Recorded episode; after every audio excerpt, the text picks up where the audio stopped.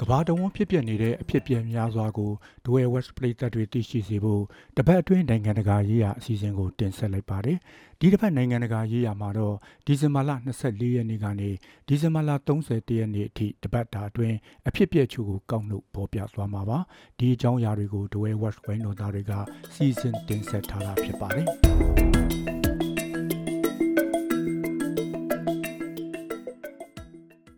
Writer James Cameron ရဲ့ Avatar နောက်ဆက်တွဲရုပ်ရှင်ဇာတ်ကားဟာအမေရိကန်မှာကန်ဒေါ်လာတန်း300နဲ့နိုင်ငံတကာမှာကန်ဒေါ်လာတန်း900နဲ့အတူ box office မှာရုံတင်ငွေစုစုပေါင်း1ဘီလီယံရရှိထားပြီလို့သိရပါတယ်။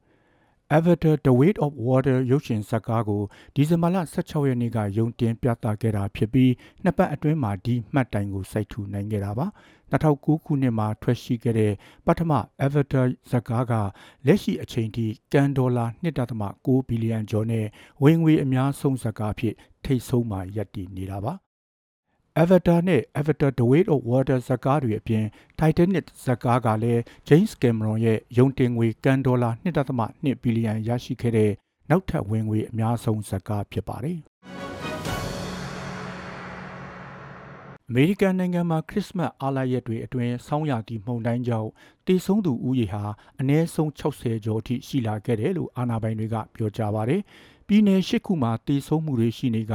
နယူးယောက်ပြည်နယ်မှာတေဆုံးမှုအများဆုံးဖြစ်နေပြီးတေဆုံးသူတွေထဲမှာရင်မတော်တဆမှုတွေကြောင့်လည်းပါဝင်နေတယ်လို့သိရပါတယ်။ အပူချိန်တွေဇက်တိုက်ကျဆင်းလာတာကြောင့်ပုံမှန်ခရီးဝေးအလုပ်ဆင်းသူတွေနေအိမ်တွေကထွက်ခွာလာသူတွေဟာအဝေးပြေးလမ်းမတွေပေါ်ပိတ်မိနေကြပြီးကယ်ဆယ်လို့မရဘဲဖြစ်နေခဲ့ကြတာပါအသက်22နှစ်အရွယ်ဘတ်ဖလိုးမြို့သူအန်ဒါတေလာကတော့အလုတ်ကနေအိမ်ကိုပြန်လာတဲ့အချိန်စီးနှင်းတွေကြောင့်ကားထဲပိတ်မိကတေဆုံးခဲ့ပြီးကယ်ဆယ်ရေးသမားတွေပါလမ်းမှာပိတ်မိကုန်ကြတယ်လို့သိရပါတယ်။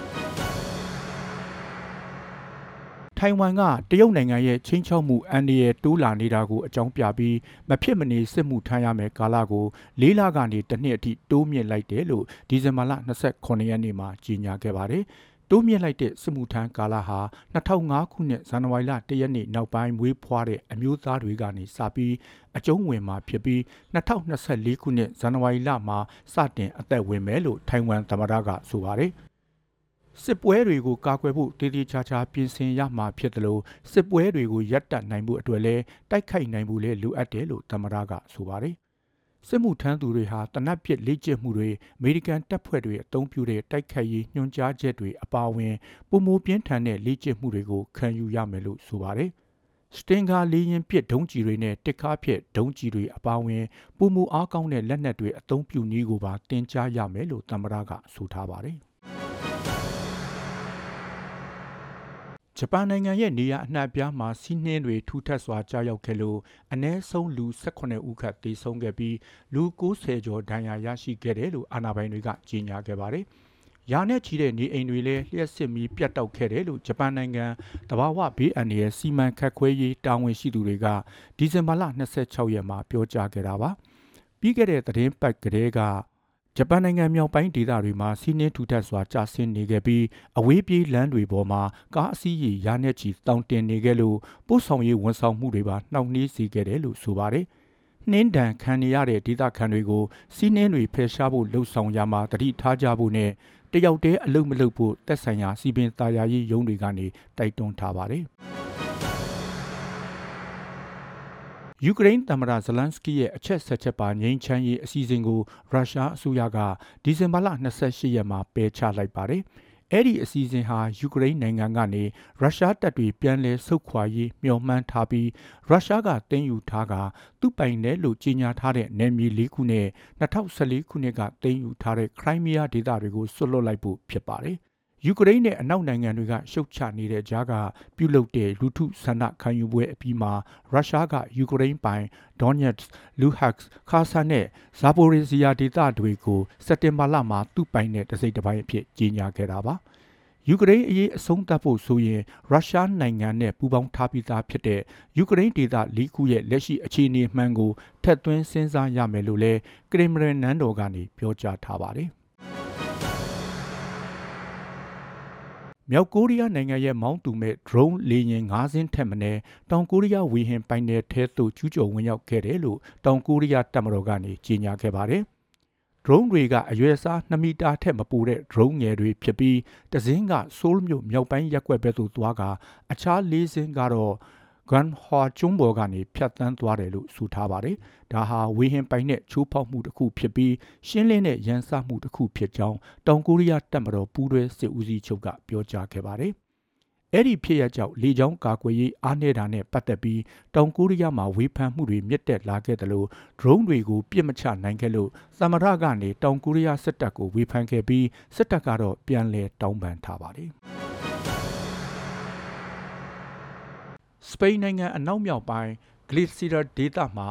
တရားဘော်ကဘတ်စကားတစ်စီးမြစ်ထဲထိုးကျသွားခဲ့လို့လူ9ဦးသေဆုံးပြီး2ဦးဒဏ်ရာရရှိခဲ့တယ်လို့ရဲတပ်ဖွဲ့ကဒီဇင်ဘာလ26ရက်မှာပြောကြားခဲ့ပါတယ်။မတော်တဆမှုကပေါ်တူဂီနယ်စပ်အနီးဗီဂိုမြို့အနီးမှာဒီဇင်ဘာ24ရက်ညကဖြစ်ပွားခဲ့တာပါ။ဘတ်စကားကအကျဉ်းထောင်မှာရှိတဲ့သူတွေထံသွားရောက်လဲပတ်မဲ့သူတွေကိုတင်ဆောင်လာခဲ့တာလို့သိရပါတယ်။ မတော်တဆမှုဖြစ်ပွားရတဲ့အကြောင်းရင်းကိုမသိရသေးပေမဲ့ရာသီဥတုဆိုးရွားမှုကအကြောင်းရင်းတစ်ခုဖြစ်နိုင်တယ်လို့အာဏာပိုင်တွေကပြောကြားထားပါတယ်။ဖိလစ်ပိုင်နိုင်ငံမှာခရစ်စမတ်နေ့ရေကြီးမှုကြောင့်လူပေါင်း4500ကျော်ကိုသူတို့ရဲ့နေအိမ်တွေကနေဘေးလွတ်ရာကိုရွှေ့ပြောင်းပေးခဲ့ရတယ်လို့အရက်ဘက်ကာကွယ်ရေးအရာရှိတွေကပြောကြားခဲ့ပါတယ်။မိုးတဲထန်စွာရွာသွန်းခဲ့လို့တေဆုံးသူအရေအတွက်က73ဦးအထိမြင့်တက်လာခဲ့ပြီး23ဦးပျောက်ဆုံးနေဆဲဖြစ်ပါတယ် တေဆုံးသူတွေထဲမှာအသက်တစ်နှစ်အရွယ်ကနေအသက်64နှစ်အရွယ်တက်ကြီးပိုင်းအမျိုးသားအထိပါဝင်နေခဲ့တာပါပျောက်ဆုံးနေသူအများစုကတော့ရာသီဥတုဆိုးဝါးချိန်မှာငါးဖမ်းထွက်ခဲ့တဲ့ငါးဖမ်းသမားတွေပါဝင်နေကြပါတယ်ကယ်ဆယ်ရေးအဖွဲ့ရဲ့ပြောကြားချက်အရလှိုင်းကြီးလေထမ်းမှုကြောင့်ငါးဖမ်းလေတစည်းလဲနစ်မြုပ်ခဲ့တယ်လို့နှစ်ဦးတေဆုံးခဲ့ပြီး6ဦးကိုပြန်လည်ကယ်ဆယ်နိုင်ခဲ့တယ်လို့ဆိုပါတယ်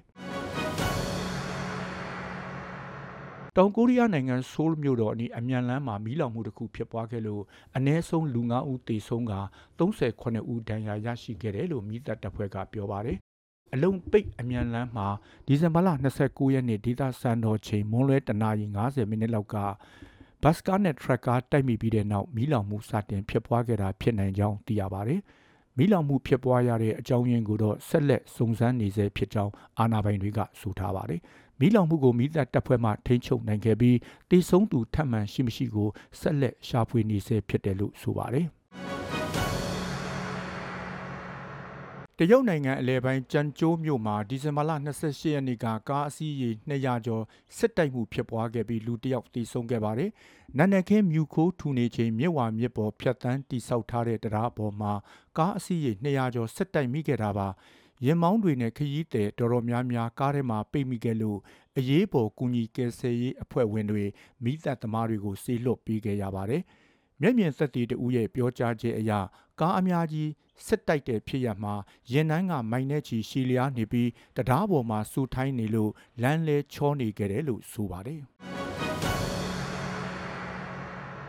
ပရိသတ်ပေါင်းတို့စေရောကိုပါကျမ်းမာချမ်းသာကြပါစေကြောင်းနဲ့ကပ်ဘေးအမျိုးမျိုးကနေအမြန်ဆုံးလွတ်မြောက်ကြပါစေကြောင်းဒဝဲဝက်ဝိုင်းတော်သားတွေကစုမုံကောင်းတောင်းအပ်ပါတယ်။နောက်ပတ်မှာလည်းနိုင်ငံတကာရေးရာအစီအစဉ်ကိုစောင့်မျှော်အားပေးကြပါအောင်ခင်ဗျာ။